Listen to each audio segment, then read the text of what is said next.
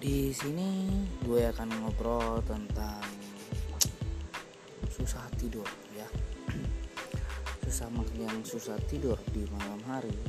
Mari bergabung dan dengarkan podcast gue bersama-sama. thank you